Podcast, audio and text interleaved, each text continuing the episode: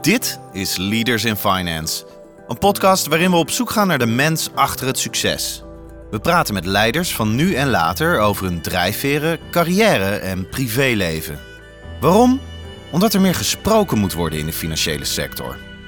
Onze gast deze week is CEO van een clearingbank. Wordt die service een beetje gebruikt? Nou, afgelopen jaar 7,4 miljard transacties. En hoe komt het eigenlijk dat allebei zijn kinderen ook in de financiële sector werken? Nou, ze hebben het zeker zelf bedacht, maar ja, ik denk dat ik gewoon heel vrolijk thuis ben gekomen iedere dag. En wat moet je doen als je in een omgeving of voor een baas komt te werken waar je niet fijn kunt werken? Ik denk dat je om te beginnen nooit moet onderschatten hoe groot je eigen invloed is. Meteen zeggen het gaat niet, is in ieder geval niet de manier waarop ik ernaar kijk. Ik denk, waar, hoe vind je de knoppen dat het wel werkt? Onze gast is Rutger Schellens, ervaren bankier en CEO van de ABN AMRO Clearingbank. Je host is Jeroen Broekema. Welkom bij een nieuwe aflevering van Leaders in Finance. Deze week is de gast Rutger Schellens, de CEO van ABN AMRO Clearing. Welkom Rutger. Dankjewel. Leuk dat je er bent hier in, eh, in Driebergen. En voordat ik je zal introduceren wil ik graag de partners van Leaders in Finance bedanken voor hun steun. Dat zijn Kayak, EY, Ortjes Berndsen Executive Search en Roland Berger. Zonder hun steun zou deze podcast heel moeilijk mogelijk te maken zijn, dus ik ben hen zeer dankbaar. Dan nu over naar mijn gast. En traditiegetrouw begin ik eerst met het spellen van de naam van de gast. Dat is Rutger, R-U-T-G-E-R en Schellens, S-C-H-E-L-L-E-N-S. Rutger is een ervaren bankier met meer dan 30 jaar ervaring in corporate banking en financiële markten in het bijzonder. Hij startte zijn loopbaan in 1985 bij de toenmalige ABN met het leiden van handelsteams op de financiële markten en groeide door tot hoofd corporate klanten voor financiële markten producten. Na 17 jaar bij ABN AMRO maakte Rutger in 2002 de overstap naar de Rabobank, waar hij 9 jaar werkte. In 2013 is hij weer begonnen bij ABN AMRO en in 2017 werd hij CEO van de ABN AMRO Clearingbank. Rutger vult uh, geregeld nevenfuncties, zoals hij voorzitter van de Advisory Board bij Franks, dochteronderneming van ABN AMRO. Zij lid van de Advisory Board bij Clearstream en sinds recent ook lid van de Raad van Commissarissen van Frontclear. Rutger is 61, is getrouwd, heeft twee volwassen kinderen die opmerkelijk ook beide werkzaam zijn in de financiële sector en woont in Amsterdam. Ik zeg altijd, dan hebben we al best wel een beeld, in dit geval zeker wel, want we hebben veel genoemd over jou. En ik zou eigenlijk als eerste willen vragen, jouw huidige functie. Wat, wat doe je precies? Je bent CEO van de Clearingbank. Misschien moeten we met dat woord clearing wel beginnen, want wat is dat nou eigenlijk precies? Ja, dat is, uh, dat is lastig uit te leggen, maar ik heb daar denk ik uh, een aardige metafoor voor. Uh, laten we een andere marktplaats nemen dan financiële markten. Neem marktplaats en je wil een iPhone kopen. Wat is je grootste zorg? Je grootste zorg is als je het geld hebt overgemaakt dat je ook de iPhone krijgt. En daarin spelen wij eigenlijk een rol. Je levert je geld bij ons aan. Wij wachten tot wij de iPhone van de verkoper krijgen. En op het moment dat beide kanten binnen zijn, geven we zeg maar de, het geld en de iPhone door. Tegen een kleine fee. Nou, vergeet de iPhone. Kijk naar alle producten die op beurzen verhandeld worden. En that's who we are. En eh, kijk, in de loop van de tijd, het begon op de optiebeurs, 40 jaar geleden, Pearson Option Clearing. Um, waar tegenpartijrisico uh, iets heel anders was dan vandaag. Sinds de crisis van 2008 heeft uh, de regulator gezegd: we willen dat tegenpartijrisico uit de systemen halen. Daar zijn, is toen een central counterparties voor opgericht om eigenlijk te zorgen dat iedereen die op financiële markt handelt tegen de central counterparty handelt. En onze functie is nu verwoorden eigenlijk om onze klanten te, te garanderen naar die central counterparty. Nou, in de loop van de jaar zijn natuurlijk heel veel functies bijgekomen, los van dat tegenpartijrisico. We doen uh, wat administratieve functies, we doen een stuk uh, risk management functies, we doen bewaarfuncties van effecten, we financieren de grote traders.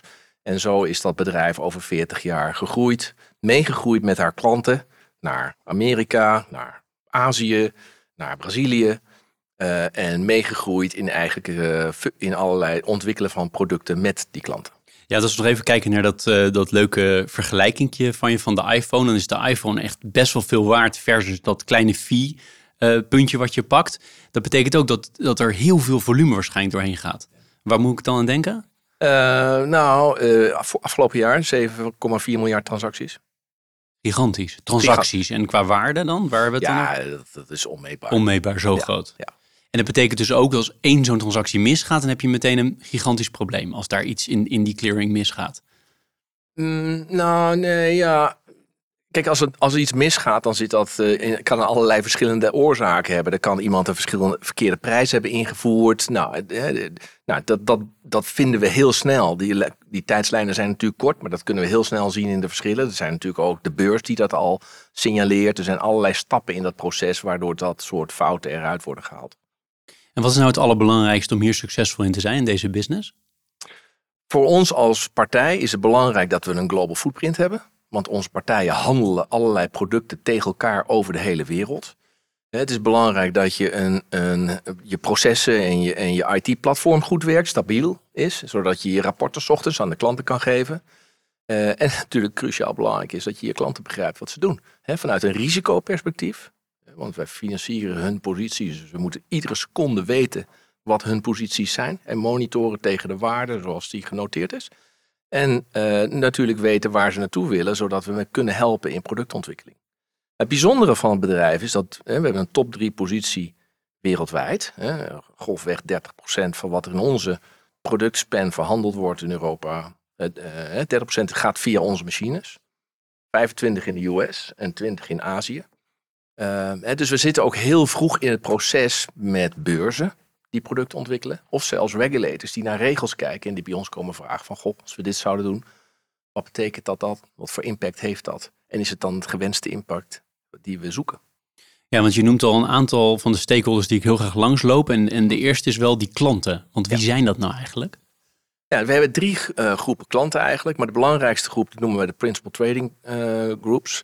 Dat zijn de, je hebt er recent Dennis Dijkstra hier als gast gehad, uh, Flow Traders uh, Optiver, IMC, maar ook echt de, de niet-Nederlandse partijen daarin, Jump, Susquehanna, uh, echt de hele grote market makers, de, die, die traditioneel, of die eigenlijk de laatste tien jaar echt de partijen zijn geweest in het liquiditeit verschaffen op beurzen.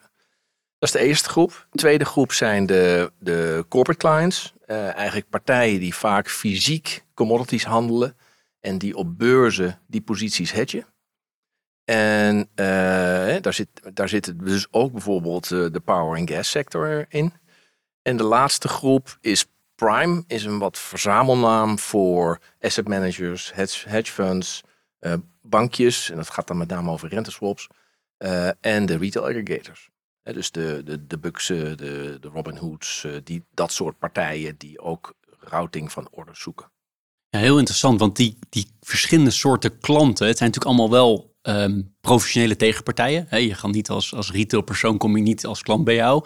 Het zijn allemaal professionele tegenpartijen, maar ook een hele grote um, range van hoe groot ze zijn, denk ik. Toch, de ene zal... Ja, uiteindelijk hebben wij 650 eh, klanten grofweg. Hè, dus dat zijn er niet zo heel veel. Het zijn echt grote partijen. Hè, dus de, de, ik denk dat uh, binnen de Principal Trading Groups is er nog wel een range. Maar ik zeg, buiten die Principal Trading Groups zijn het met name gewoon echt grote klanten. Wat ik dan heel interessant vind is, um, tech is heel belangrijk hier. Je global footprint is heel belangrijk. Um, hoe belangrijk zijn dan toch ook nog menselijke relaties met deze 650 klanten? Cruciaal. Ja? Cruciaal. He, we, omdat het natuurlijk high volume is en, en wat je zegt, grote belangrijke klanten, we financieren ze. Het gaat natuurlijk uiteindelijk om heel goed doorgronden wat klanten doen uh, en hoe ze hun business draaien. Hè. We doen dus vanuit een risk management perspectief kijken we natuurlijk heel goed hoe zitten de risksystemen bij de klant in elkaar. Wat zijn hun processen? dus dat doorgronden van die klanten, die lang, langjarige relaties. want ik denk het grootste gedeelte van onze klanten doen gewoon al bijna 40 jaar zaken met ons. Ja, dat is absoluut belangrijk. Ja, en ik zag je net even een beweging maken. Je wilde nog iets zeggen. Toen begon ik met een vraag. Weet je nog wat het was? Uh, nee. nee je wilde, ik weet, die je nog iets wilde toevoegen. Mooi. En als we dan naar de andere stakeholder... Ja, sorry, ik weet wel. Ah, kijk. Die, die, die, wat je zei, die grootte van klanten. Kijk, ik, ik denk dat wij uh, eh, 15 jaar geleden hadden we misschien wel 5000 klanten. Maar door alle regelgeving, hè, met name MIFID, uh, zie je gewoon dat er binnen onze klantengroep een ontzettende consolidatie heeft plaatsgevonden. En ook partijen te klein waren om die regulatory burden, voor zover het een burden is, te verhapstukken. Ja, nee, duidelijk. Ja, daardoor vindt gewoon consolidatie plaats doordat de regulator dat, uh, dat, dat drijft. Dat, dat kan me heel goed voorstellen. Uh, andere stakeholder, met hoeveel mensen doe je dit? Mensen? Ja, grofweg uh, 950 op onze eigen payroll. En dan nog eens een 150 in, in een soort van vendor, ZZP-achtige contracten. En welk deel daarvan zit in Nederland? De helft. De helft. Ja. En andere in landen als Brazilië, zei je geloof ik? Ja, nou ja, we, uh, Tokio, Hongkong, Singapore, Sydney, uh, Duitsland, dus Frankfurt, Amsterdam, Londen, uh, New York, Chicago, Sao Paulo. Moet je er ook vaak heen? Zeker. In ieder geval één keer per jaar naar alle kantoren. we, we, we, ik run het niet in mijn eentje natuurlijk. We zijn een groep een boord van vier. Dus wij zorgen echt wel dat we in ieder geval allemaal uh, één keer ons gezicht uh, laten zien in, in zo'n kantoor. En ja, in, in, in de grotere hubs wat vaker. Een beetje afhankelijk ook van wat er aan de hand is. Wat we een nieuw kantoor openen. Ja, daar zijn we natuurlijk. Uh, laten we ook ons gezicht zien. Vind ik wel, wel chic, ja. Andere stakeholder, ABN AMRO als concern. Um, ik kan me voorstellen dat je, je wordt ook CEO genoemd, hè? dat is jouw titel. Hoe zit die relatie precies? Ze zijn natuurlijk aandeelhouder, maar hoe, hoe werkt zoiets? Want je lijkt wel echt een, een eigen business te runnen die ook in veel dingen niet lijkt op wat de rest van de bank doet. Uh, klopt. Uh, ja, de, nou, het is echt wel een apart, uh, ja, of wat, wat ze noemen op arm's length. Dus we hebben een eigen raad van commissarissen. Wordt natuurlijk aangesteld door, door ABN AMRO. Hè, de board van clearing, dus mij, mijzelf, wordt ook aangesteld door ABN AMRO. Uh, maar dat, dat werkt eigenlijk net zoals andere formele dochters met de statuten. En, uh, en ja, in die zin, we runnen ons eigen platform. Dus we zijn een van de weinige onderdelen van de bank die echt een eigen IT-stack heeft, eigen operations afdeling heeft, eigen juridisch support heeft. en natuurlijk zoeken we de, de samenwerking op en de optimalisatie van synergie-effecten. Maar ja, de verantwoordelijkheid ligt bij de boord van Clearing zelf. Ja, duidelijk. Dus het voelt voor jou ook echt dat jij bijna je eigen onderneming runt. Ja, ja. Ik denk dat er ook nog een andere enkel in zit hè, vanuit de regelgever, omdat wij zo'n relevante partij zijn en omdat die, dat businessmodel zo heel erg anders is dan de bank, hè, qua doorlooptijden van een deal, maar ook hè, de, hoe lang een transactie bij ons in de boeken zit. Hè. Bij een hypotheek is dat misschien 20 jaar, bij ons is dat maximaal zes maanden. Hè. Eh, ja, denk ik dat het de regelgever ook helpt om goed inzicht te krijgen in hoe we deze business draaien. Andere stakeholder uh, concurrentie. Hè? Je zegt we zijn uh, top drie speler. Dus je bent echt een. Je hebt mondiale presence. Dan kan me voorstellen dat er heel veel partijen zijn die denken. Nou, ABN AMRO is een nou ja, middelgrote bank, of hoe je het wil noemen, in welk perspectief je het plaatst. Hè? In Nederland een grote bank, wereldwijd misschien wat, wat kleiner. Dat er veel partijen zijn die denken, nou, dat zou ik wel eens willen kopen. Ja, nou goed, dat zal ongetwijfeld zijn. Misschien hoor ik het ook niet altijd, hè, want dan gaan ze toch naar de aandeelhouder en niet naar mijzelf. Uh, maar we zijn een van die drie, grote partijen, inderdaad. Hè. De, de, andere twee zijn Amerikaanse zeg maar, investment banks die, die deze tak van sport runnen vanuit hun financiële marktenplatform. Wij zijn eigenlijk de enige die het helemaal separaat runnen, helemaal gefocust op, op zeg maar post-trade, wat we noemen. Um, en dat vinden onze klant, belangrijkste klantengroep heel interessant. He, onze belangrijkste groep, die Principal Trading Group, zijn dus heel vaak concurrent van die andere twee als ze liquiditeit verschaffen. Dus dat is misschien ook nog wel een goodie die we nou, als USP hebben. Ja, want ik kan me ook voorstellen dat het feit dat jullie zo in de, in de top meespelen op dit gebied wereldwijd, Um, dat, dat er heel veel mensen dat, wat ik al zei, interessant vinden. Nou, ik zal niet de vraag herhalen over kopen. Maar ik kan me ook voorstellen dat heel veel uh, partijen denken van... ja, uh, hoe, hoe gaat dat verder als er maar zo weinig partijen zijn... die er zo, zo mondiaal dat kunnen? Hoe, hoe cruciaal ben je dan uh, in, in, die, in deze subwereld van de financiële sector? Nou, ik denk dat we redelijk cruciaal zijn in deze subsector. En ik denk dat dat op Europees niveau... dat, dat vanuit de dat, dat dat misschien ook wel uh, gekeken zou moeten worden. Hoe ze misschien dat een beetje onderbouw, hoe moet je zeggen, supporten. Dat er, dat er tweede, derde spelers komen. Is voor Europa heel belangrijk, denk ik. Uh, Europese financiële markten. Dat er een grote Europese partij is. Want waarom zijn jullie zo succesvol erin? Denk ja, ik denk letterlijk focus en, en, en die relatie met die klant is cruciaal. Je noemde toezichthouder al, ook een stakeholder die ik niet onbesproken wilde laten. Hoe word jij precies gereguleerd en door wie? Nou, door, de, door je, hè, Joint Supervisory Team van, uh, van de ECB, DNB. Uh, dat is onze belangrijkste. Maar eh, in al die landen waar we zitten hebben we ook, ook te maken met lokale regulators. maar onze hoofdregulator is uh, de ECB. En dat is een team wat gewoon met ons op nou ja, wekelijkse basis praat. Ja, want als je naar jouw rol kijkt, hoeveel tijd ben jij kwijt met, met de toezichtskant, grofweg? Dat is misschien moeilijk te benaderen, maar... Nou, het is een aanzienlijk deel, denk ik. Dus ik denk ja, 10 tot 15 procent van mijn tijd zeker mee kwijt. Ja. Stakeholder samenleving. Dat vind ik ook altijd interessant, want dit, dit heeft indirect heel veel impact op allerlei dingen. Maar hoe kijken jullie daarnaar? Nou, zeker. Als wij onze purpose benoemen, dan hebben we het over safe and transparent markets. En natuurlijk uh, de hele sustainability angle. Maar safe and, and, and transparent markets, accessibility, hè, dus dat mensen toegang kunnen krijgen tot markt, dat vinden we een hele belangrijke, daar spelen wij een hele belangrijke rol in, vinden wij. Zeker al met het profiel wat we hebben en de top drie uh, status.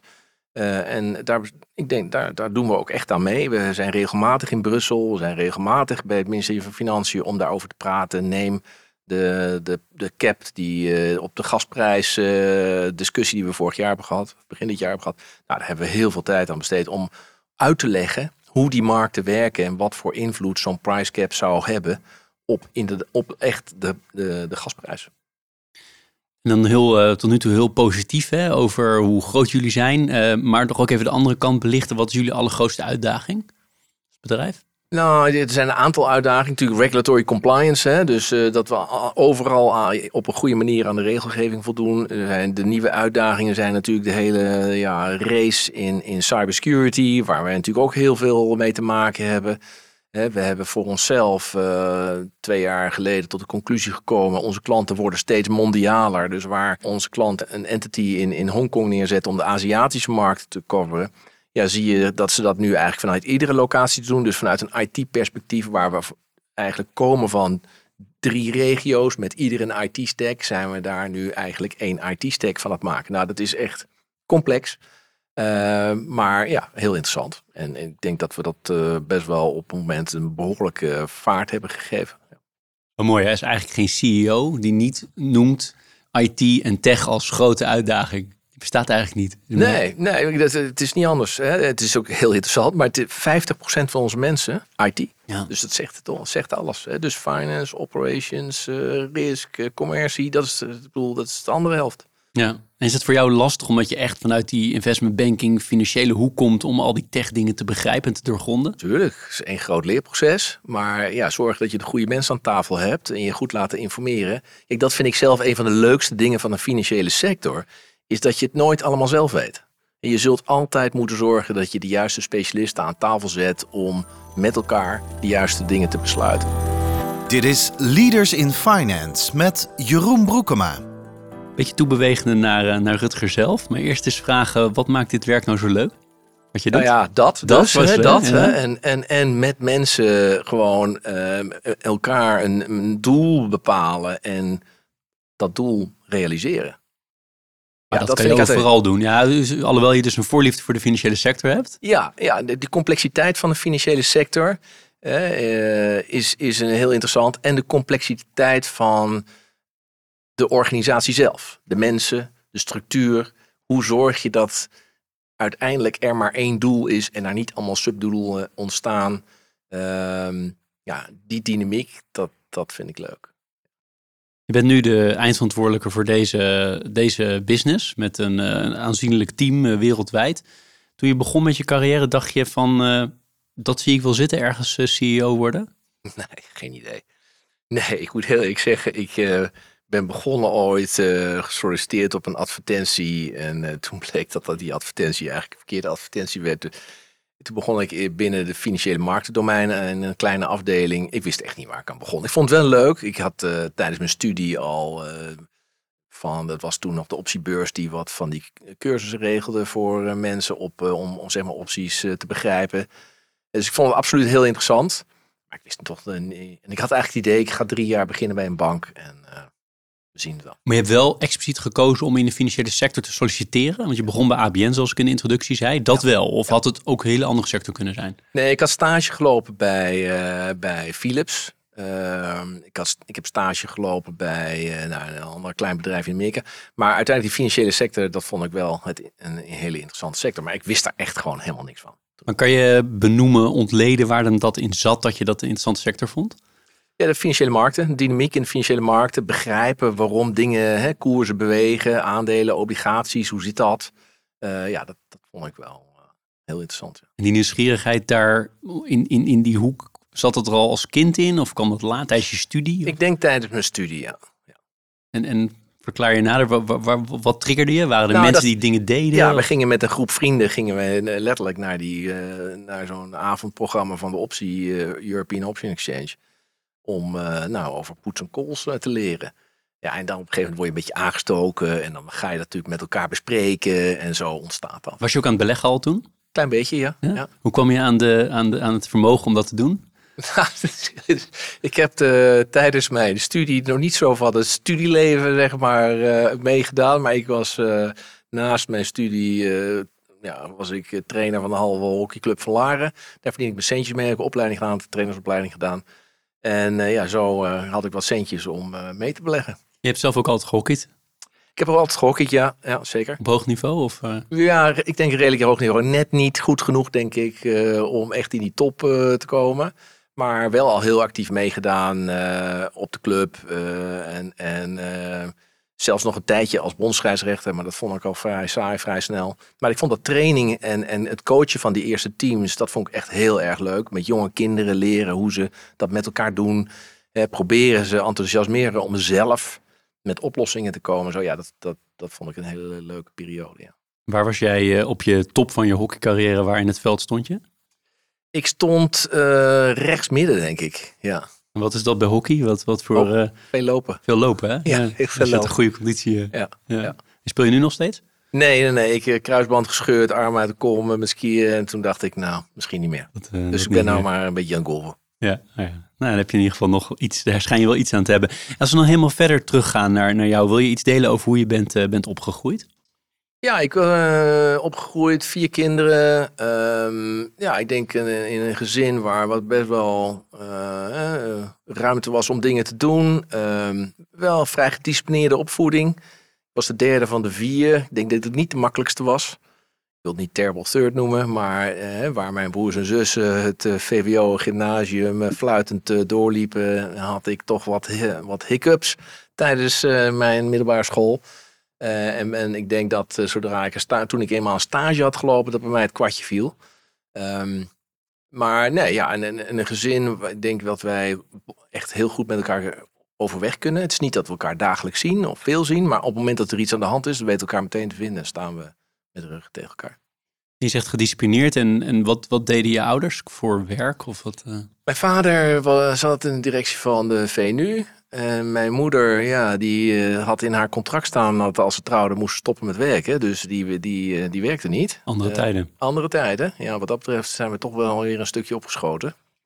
Ehm, dus die, eh, die, was, eh, die zorgde voor het huishouden, maar deed daarna, daarnaast heel veel voor nou, allerlei dingen. Scholen, eh ouderenzorg, eh, nou ja.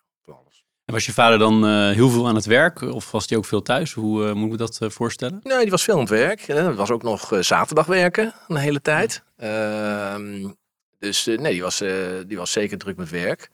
Maar die had wel, ja, dat was zeker tijd voor ons. Ja. Je zegt gedisciplineerd gezin, wat moet ik me daarbij voorstellen? katholiek opgevoed, zondags naar de kerk, tot denk ik mijn twaalfde of zo, tiende. Ja, dat was wel, dat waren wel moedjes. Jij vond je niet leuk? Nee, ik- het was niet. Heb je er nog iets uit meegenomen? Je zegt, dat heb ik nu nog wel, eh, toch nog wel nou, het is bij. grappig dat je vraagt. Ik denk, een van de dingen die, ja, het was niet dat ik daar dan heel erg zat te luisteren. Maar wat het, wat me wel geleerd heeft eigenlijk, wat me gebracht heeft nog steeds, is soort van die reflectiemomenten inbouwen. En de, daar gebruikte ik het toen voor. En die reflectiemomenten heb ik nog steeds wel. Dat ik denk van nou, even een stapje terug. Een stukje rust om je heen. En eens even nadenken, wat is er allemaal? Wat gebeurt er allemaal? Maar dat is best moeilijk, hè? want je bent eh, natuurlijk super druk in je werk. Je agenda is bomvol, wordt voor jou gepland. Eh, nou ja, nu zijn de kinderen uit huis, maar destijds ook niet. Of uit huis weet ik niet, maar in ieder geval ze zijn volwassen. Ja. Ehm, maar hoe doe je dat concreet? En dat is voor andere mensen denk ik, die luisteren ook interessant. Van hoe bouw je dat in? Want je hebt toch de neiging om maar door te gaan natuurlijk. Nou ja, ik denk dat het heel belangrijk is dat je jezelf ook een beetje aan en uit kan zetten. Hè? Dus dat, dat zit er bij mij wel in. Ik kan me ook echt wel dat werk uitzetten. Ik heb best wel ook veel in het weekend al op reis geweest natuurlijk. Of op dingen voorbereiden voor de week daarna. Maar op het moment dat je er dan, hè, toen de kinderen eh, jonger waren, hè, dat je er dan bent, dan moet je er ook zijn. Ehm, maar ik heb nog steeds wel zo ja, een soort van guilty pleasure dat ik een tijdje, nu is dat bankje weg, maar er zijn twee grachten die bij elkaar komen waar de boten elkaar niet zien aankomen. Dat ik daar dan eens rustig uh, een sigaar zit roken. En dan enerzijds geniet van het uitzicht. Hè, en anderzijds gewoon even nadenk, wat is er eigenlijk allemaal gebeurd deze week? Wat, wat, wat ging goed, wat kan beter en hoe neem ik dat mee naar de volgende week? Ja, en het, en het geloof is verder weg of ga je nog naar de kerk? Nee. Nee. Dat is de, je kinderen ook niet meer opgevoed en dergelijke. Nee.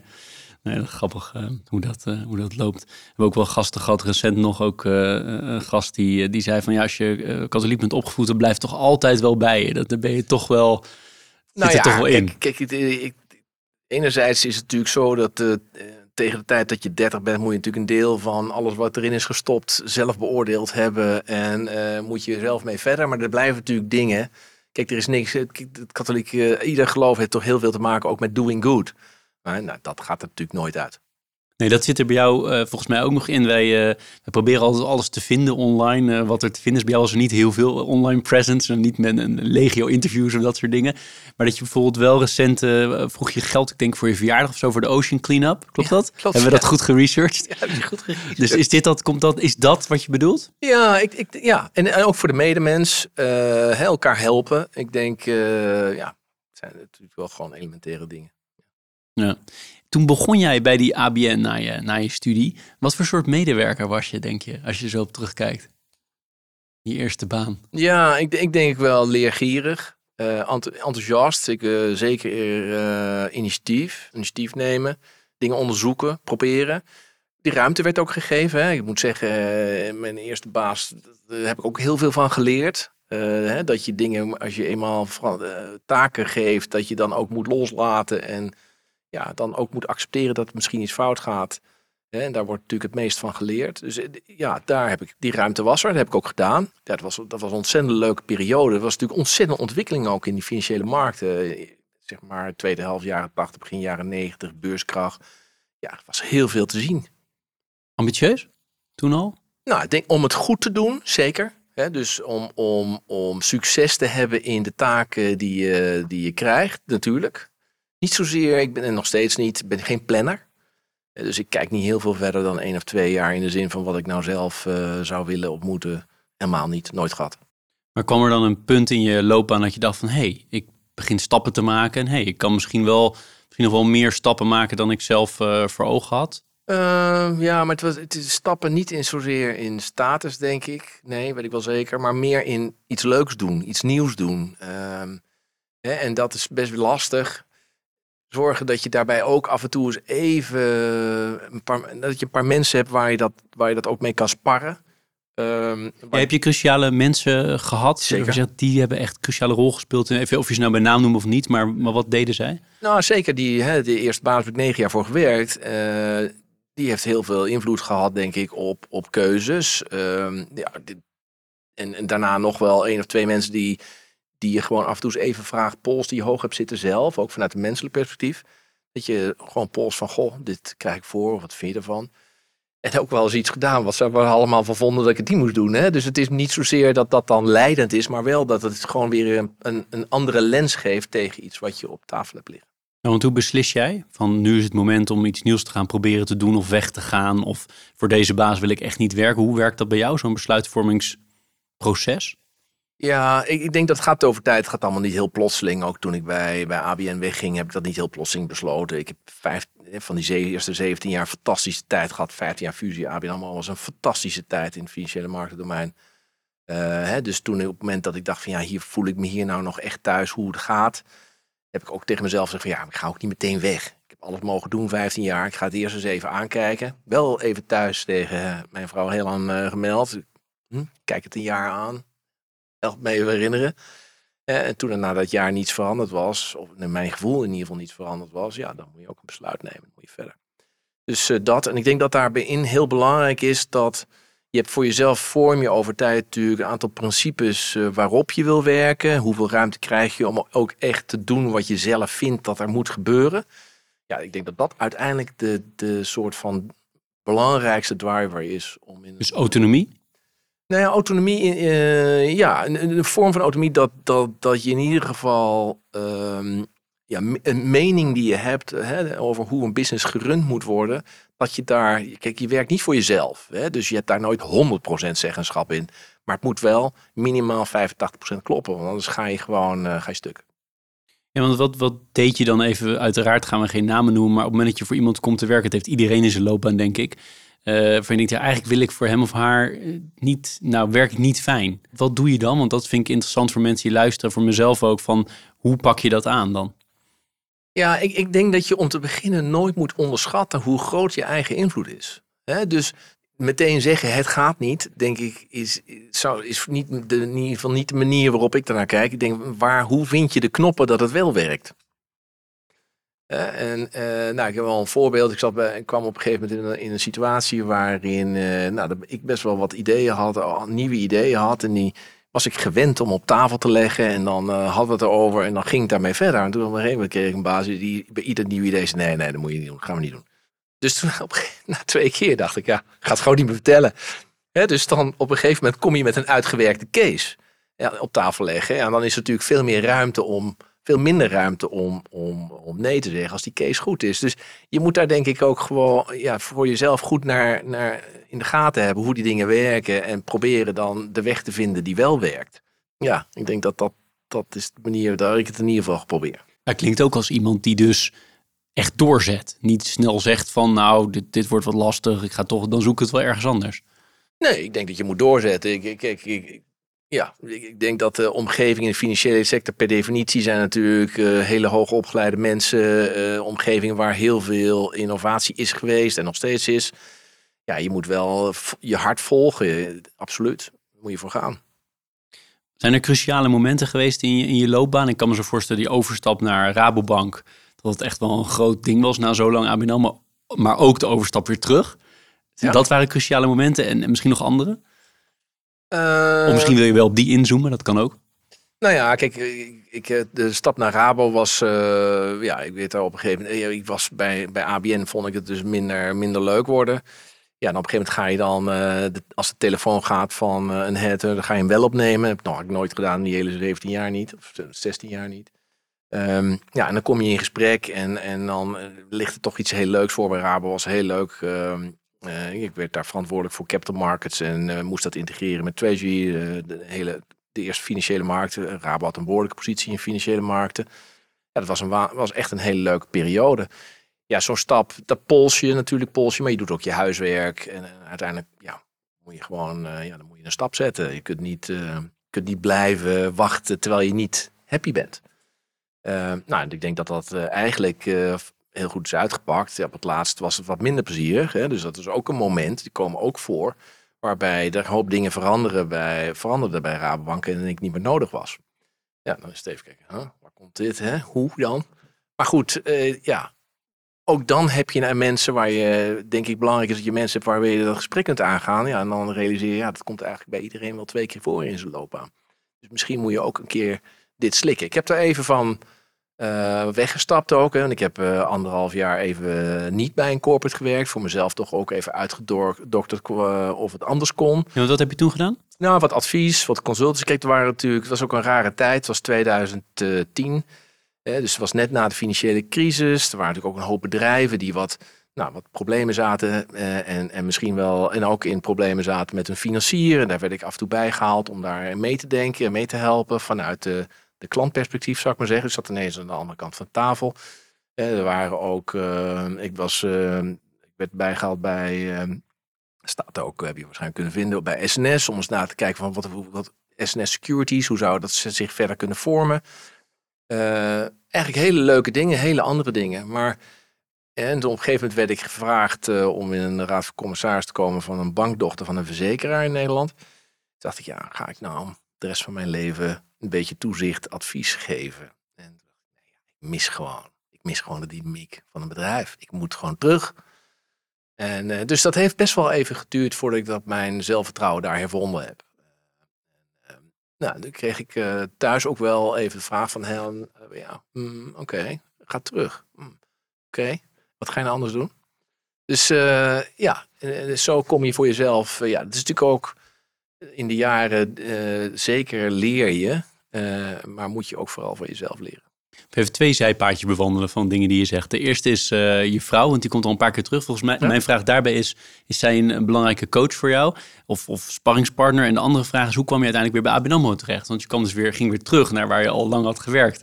Ja, Nee, zeker. Op dat soort momenten wel. Hè. Ik denk dat natuurlijk uh, hebben we het wel wat er, wat er gebeurt uh, op mijn werk. En, en, en zij natuurlijk wel met zij, zij is kunstfotograaf, wat er bij haar aan de is.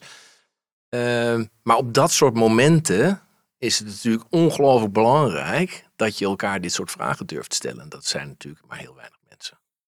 Dus, dus ja, terug naar ABN. Ja, toen ik voor mezelf bepaalde, oké, ik ga terug weer naar een bank Ehm, nou, dan, toen ben ik gewoon uh, toch uh, mijn eigen contacten afgegaan. En uh, kwam ik, ik kende een aantal mensen bij ABN AMRO nog van en Rabo. En mijn eerste stint ABN, kom je in gesprek. En nou, zo, zo, vind je daar dan weer een, een, een, leuke uitdaging. En toen kwam je dus in een organisatie terecht die totaal anders was. Hè? Want wij zeiden in het voorgesprek, zei je al even, nou ja, toen ik het eerste werkte, werkte er meer dan 100.000 man. Toen was het een stuk kleinere organisatie geworden. Je had natuurlijk de hele crisis gehad, de hele uh, nationalisatie, et cetera, et cetera. Voelde dat ook heel anders of was het cultureel toch wel weer het, het, het, het bad wat je herkende? Uh, deels absoluut. Hè? Dus het DNA van heel dicht op de klant zitten, dat was er nog steeds. Fantastisch. Ik dacht echt, hè, dus dat verbaasde me weer. Hoe is het toch, hè? het zit nog steeds zo dicht op die klant. Dat wel, maar het spectrum van wat die bank kon voor hun, of kan eigenlijk voor hun klanten, dat is gewoon compleet veranderd. Hè. Dus uh, kan nog steeds heel veel dingen heel goed. Maar hè, met name het buitenlandse stuk en, en, het wat meer uitgebreide uh, pakket, ja, niet meer. En ik denk dat daar ook toen ik terugkwam, was het makkelijker voor mij om daar aan te wennen. Want ik kwam weer nieuw binnen en dan hè, het was het nog best wel dat denk ik in de organisatie het gevoel was, ja, we kunnen die oude dingen allemaal nog wel dat was zeker niet meer het geval. Nee, maar het was dus een goede move voor jou om terug te keren. Ja, het was om twee redenen, eh, denk ik goed. Eén, dus dat, dat, dat cultuur. En ook, een, ik vond ABN in mijn eerste stint al uh, een, een, bank voor ondernemers, door ondernemers. Dus dat, dat, dat, dat, dat vond ik toch steeds dat het er zat. Dus dat was heel goed. Maar het was ook voor mijn, denk ik, voor mijn zelfvertrouwen goed om bij Rabo niet zo leuk weg te gaan. Dan toch degene waar ik was weggegaan eigenlijk zei, kom alsjeblieft terug. Dat was natuurlijk ook wel heel fijn. Ja, mooi. En verder, eh, als je naar, jou, naar jouw loopbaan kijkt, naar die, die, die scharnierpunten. Hè? Dus je hebt, we hebben het nu besproken dat punt dat je naar de Rabobank ging, dat je weer terugkwam bij ABN AMRO. Waren er nog andere cruciale momenten in die loopbaan waar je zegt, ja, als kunnen hè, hij is nog steeds gaande die loopbaan, waarschijnlijk nog lang, weet ik niet. Kunnen we het straks nog over hebben. Maar waren er nog andere punten in die loopbaan waar je zegt, ja, dat waren wel echt uh, keerpunten of belangrijke momenten? Nou, ik denk dat, dat, dat ik het altijd op een of andere manier, in, het begin vond ik het interessant als dingen fout gingen, als dingen niet goed gingen, dingen opgelost moesten worden, om daar je tanden in te zetten. Dat vond ik gewoon interessant. En dan op een gegeven moment krijg je dat profiel en komen die dingen ook op je af. En ik denk dat dat wel, ja, dat is, daar leer je ontzettend veel van. Um, en ik denk dat het me dat wel uh, ja, verbreed en, en versterkt heeft in de loop van de jaren. Juist omdat je in die probleemsituaties uh, geduwd wordt. Dus dat, ik denk dat dat een heel belangrijk element is wat wel dus, dus hoe moet ik dat concreet zien? De, was, als er echt een groot probleem was, dan dook jij erop of zo? Ja, dus ik, vul het in hoor, misschien zeg ik helemaal verkeerd. Maar... In, die, in die eerste periode, ABN AMRO, dus na 91, ging er iets fout met een bepaalde portefeuille in, uh, in die financiële markten. En daar werd ik gevraagd van, goh eh, Rutger, kun je naar kijken? Kun je, uh, hoe we dit moeten oplossen? Nou, dan, dan ga je erin duiken. En, en, en zo, zo is het eigenlijk begonnen. Letterlijk, ja. Je luistert naar Leaders in Finance met Jeroen Broekema. We hebben bij uh, Leaders in Finance ook altijd een teaser en een pleaser. Nou, de pleaser is altijd hetzelfde, daar kom ik uh, zo op. Aan de teasende kant heb ik het volgende opgeschreven, maar dan moet ik een klein beetje inleiden. Want ik zou je willen oproepen om niet te kijken specifiek naar ABN AMRO Clearing, want dat, dan is het antwoord heel duidelijk, maar gewoon breder in die Nederlandse markt. En dan is de teaser, Nederland is geen serieuze speler meer in, in, in de internationale wereld van investment banking. Klopt. En klopt, uh, zou je het willen toelichten? Is, kunnen we dat nog worden? Uh, wanneer zijn we het niet meer, uh, zijn we het nooit geweest? Zijn we het, zijn we het verloren? Ja, waardoor? Ik denk dat we het wel degelijk mee hebben gedaan. Niet alleen het oude ABN, maar, maar heel veel ABN andere moet ik natuurlijk zeggen, maar, maar ook andere. Maar ik, ik denk dat ja, de financiële crisis, denk ik, heeft heel veel, ja, heeft het spectrum compleet veranderd. Hè? De, de, de rol van banken en met name die rol naar de spaarders toe en de verantwoordelijkheden, hoe je met dat spaargeld uiteindelijk wel of geen risico neemt, denk ik, zorgt ervoor dat het heel moeilijk wordt. Eh, ik denk ook de, de regulering en de kapitaalkosten die erbij komen, om dan een wereldspeler te zijn in investmentbanking, is gewoon niet eenvoudig. Eh, dus ik denk, ik denk dat dat voor Nederlandse banken niet, uh, niet meer terugkomt. Nee. Betekent overigens niet dat ze geen hele belangrijke kunnen, rol kunnen spelen in het Europese stuk. Hè? Maar dat is een andere klantbase. Dat is dus niet meer de allergrootste corporates. Dat zijn die regionale spelers. En daar kunnen we dat soort, dat soort producten natuurlijk wel. Ja. En dus, nee, maar goed, de, de echte global investment banking, dat zit dan dus eigenlijk grotendeels in Amerika. Zeker. In Londen. Ja. En of dat uiteindelijk verstandig is voor nou, Europa. in Europa, zie je hetzelfde dan gaande? Of zeg je nee, Frankfurt, Parijs, Londen weten dat nog wel te doen? Nou, ik denk dat er een aantal partijen zijn die dat nog wel weten te doen. Hè. Uh, dus uh, dat zit er dan met name in, in zeker de Engelse banken, een aantal Engelse banken. Misschien een Duitse bank, al die nu ook heel moeilijk Franse banken. Dus daar zitten er nog wel een paar uh, spelers die dat, die dat kunnen. Maar des te interessanter dat jij op, met jou in, op een eilandje dus nog wel global meespeelt. Ja, maar dat, dat heeft wel heel erg te maken met onze klanten die, die dat eigenlijk duwen.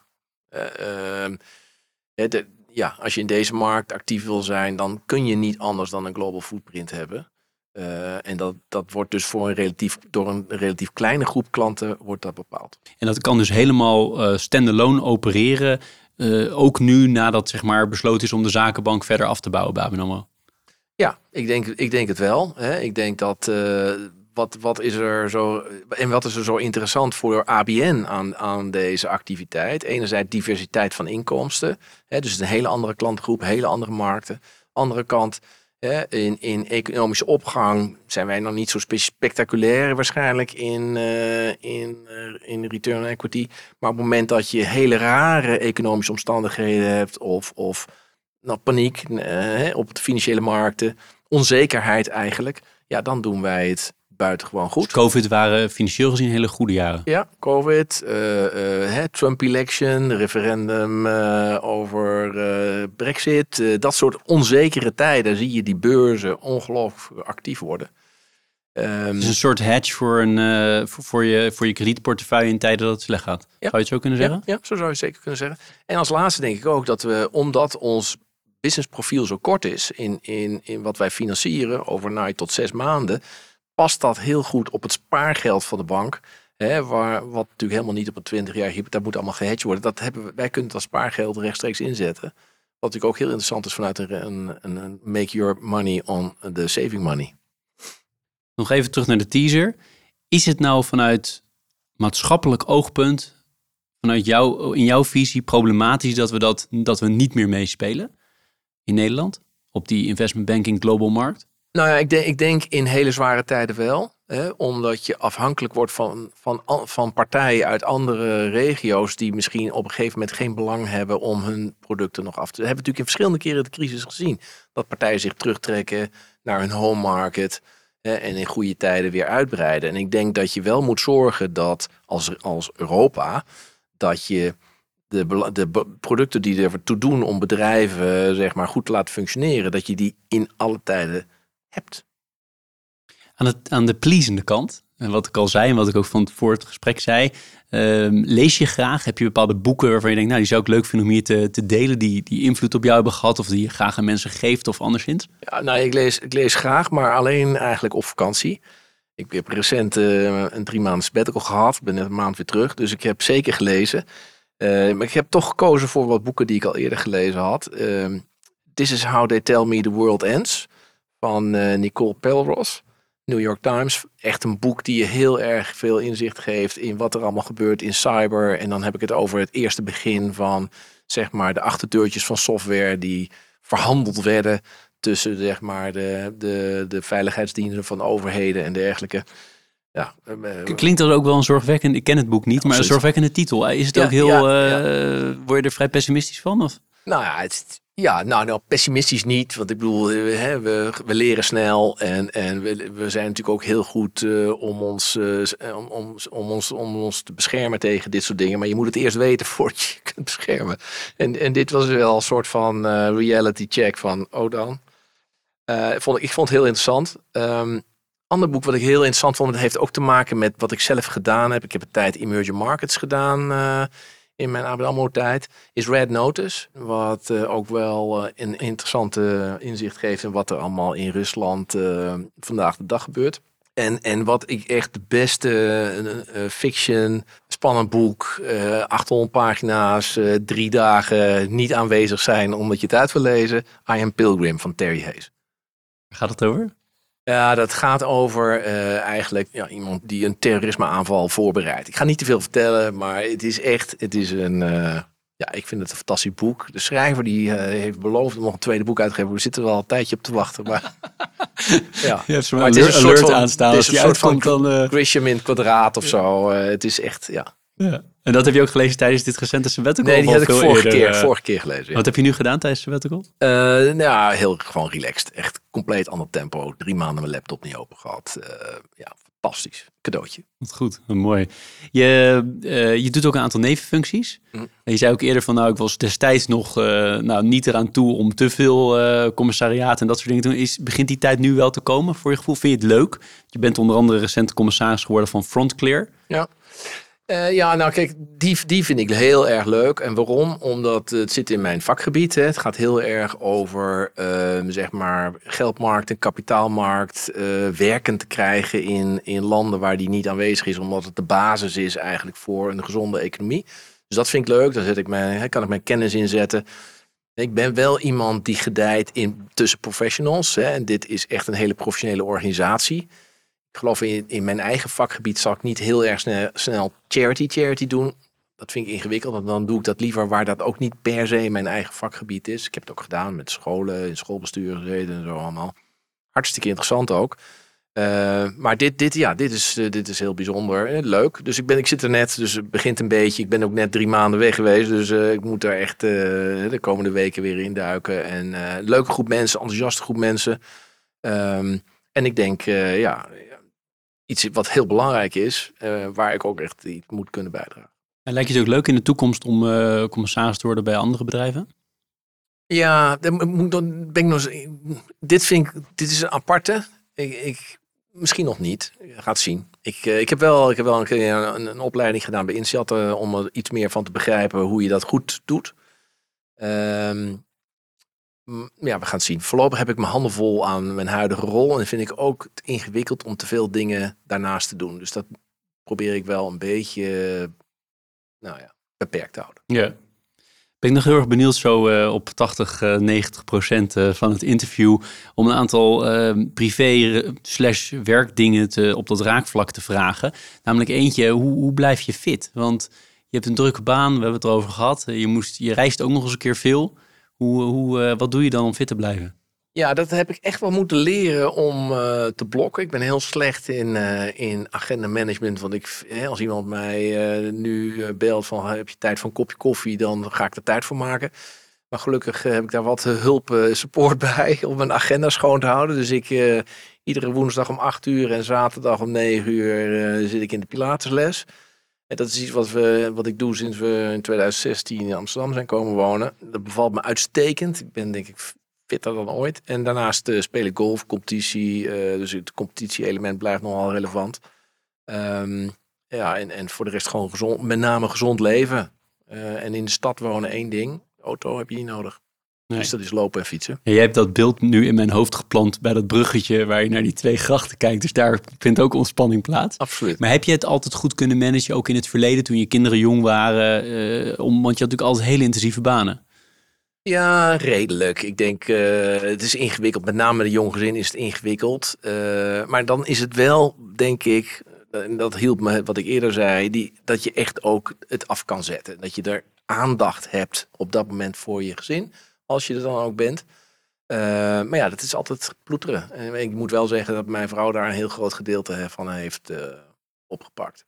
Uh, daar heb ik een iets, denk ik, moet ik haar eeuwig dankbaar voor zijn. Ja, wat ik ook heel interessant vind uh, over werk-privé uh, is dat als er dingen tegenzitten. Je vertelde in het voorgesprek ook even dat je ook echt een tegenslag hebt gehad uh, in je leven. Maar hoe, hoe ga je er dan mee om? Dat is natuurlijk wel heel boeiend. Want iedereen heeft een keer, ja, misschien niet zo heftig als wat jij hebt meegemaakt. Maar iedereen heeft wel zo'n moment in zijn loopbaan dat het echt even tegenzit.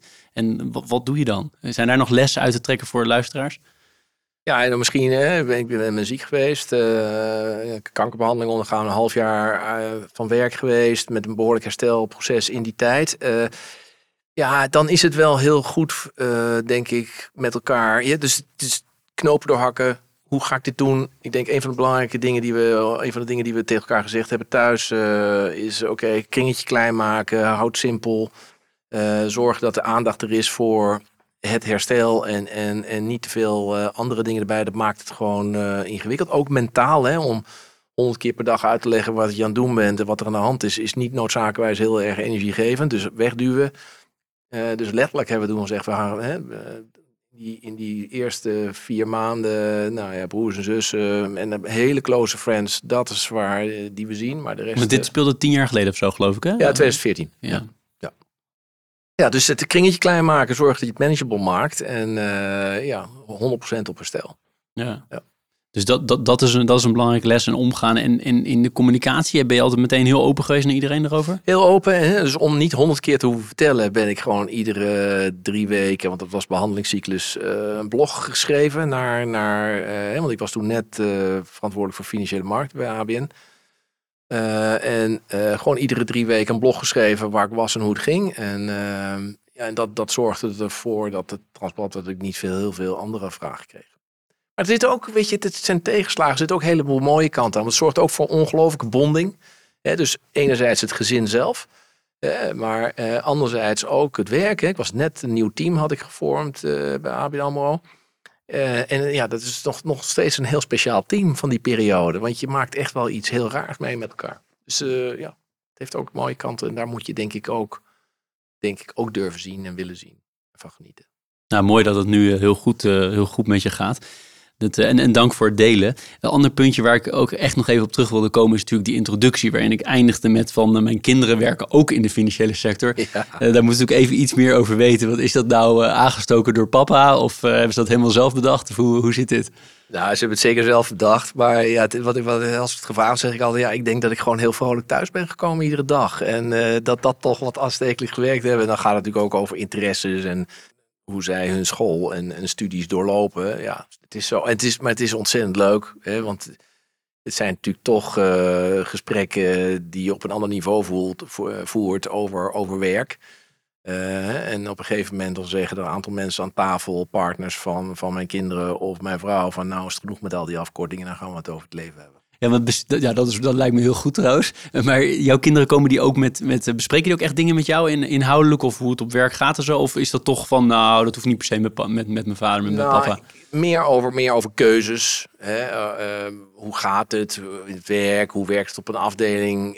De, de, de contacten met anderen. Niet zozeer inhoudelijk, want ze zitten best wel dicht op elkaars business. Dus daarvoor gaat het nooit over. Maar wel, maar wel over keuzes, mensen, situaties. Uh, nou, en dat is natuurlijk wel heel leuk dat je daar in ieder geval voor je gevoel iets meer aan kan bijdragen. Uh, omdat ze in die financiële sector werken, dan als uh, nou ja, weet ik het, iets anders zouden doen. Laatste twee vragen van mijn kant.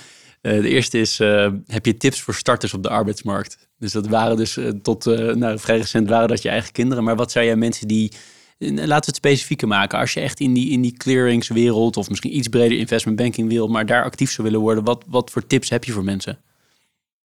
Ja, ik, ik denk gewoon volg je gevoel, doe wat je leuk vindt. En zorg dat die leercurve, zeker in het begin, dat die leercurve goed blijft. Dat, je, dat, je, dat, die, dat die stijl blijft. We noemden eerder ook even werken voor iemand niet leuk. Onderschat je eigen invloed niet. En wend die ook aan. Speak up goede input uh, wordt altijd gewaardeerd. Uh, dus speak up. Ik zie het ook nog wel als dat mensen toch wat twijfelen om dat te doen. Het is zo belangrijk in een bedrijf dat mensen zeggen wat er gebeurt, waar het op staat. En ik denk dat dat voor, voor carrière stappen hè, zorgt dat je een aantal mensen hebt die je vertrouwt, die je kunnen, waarmee je kunt sparren. Je hoeft niet al te volgen, het gaat met name om toch een andere blik vanuit een andere lens op iets wat voor ligt. Ik denk dat dat eigenlijk, uh, ja, dat zou ik uh, ja, voor een werkadvies kan geven, zou dat mijn advies zijn. En is het ook als je verder wil komen, ook gewoon nog heel simpel en plat gezegd, snoeihard werken? Ik denk dat het wel hard werken is, ja. En hard werken, dat gaat, dat gaat niet alleen maar over uren natuurlijk. Het gaat ook over uh, hoe, hoe zorg je dat je een beeld hebt bij het geheel? Eh, ehm, ja, denk wel dat het gaat over gewoon het echt intrinsiek interessant vinden van een Mijn laatste vraag, want ik zei ik had er nog twee, nu ik toch nog eentje tussendoor gesteld. Maar mijn laatste vraag is, eh, is ook eigenlijk altijd dezelfde. Namelijk, eh, voordat ik je ga bedanken, heb jij nog iets, Rutger, waarvan je zegt, eh, dat zou ik toch echt wel heel graag hier ter tafel willen brengen? Of nou, iets wat je weer zegt, dat had ik eigenlijk nog wel willen benoemen. Of anderszins. Nee, ik, ik, misschien de financiële sector, daar wordt een hoop over geschreven. Is het interessant? Dus ik denk dat financieel echt ongelooflijk interessant is. Ehm, het, het is de kurk waarop, waarop economieën draaien. Het is eh, en, en, en daarvoor echt heel belangrijk eh, voor, voor, voor, voor de wereld. Ehm, ja, en, en vanuit, vanuit dat perspectief is ook ongelooflijk interessant voor de starters. Leuk. Heel erg veel dank voor alle tijd die je hebt willen nemen voor Leaders in Finance. En eh, heel mooi hoe je open praat over al die verschillende dingen. Want we hebben nogal wat onderwerpen de revue laten passeren. Ehm, ik heb zo meteen eh, een klein eh, bedankje eh, voor jou en voor je collega die er ook bij eh, aanwezig is. Ehm, heel veel dank. En eh, ik ben erg benieuwd om jou eh, te volgen in de toekomst. Heel graag gedaan. Dit was Leaders in Finance. We hopen dat je deze aflevering met veel plezier hebt beluisterd. We stellen je feedback erg op prijs. Wat houdt je bezig en over wie wil je meer horen? Laat het weten via een Google of Apple review. Dat kan ook direct via een e-mail of via onze social media kanalen. We kunnen het enorm waarderen als je dat doet. Tot slot danken we onze partners voor hun steun. Dat zijn Kayak, EY, Otjes Berndsen Executive Search en Roland Berger. Bedankt voor het luisteren.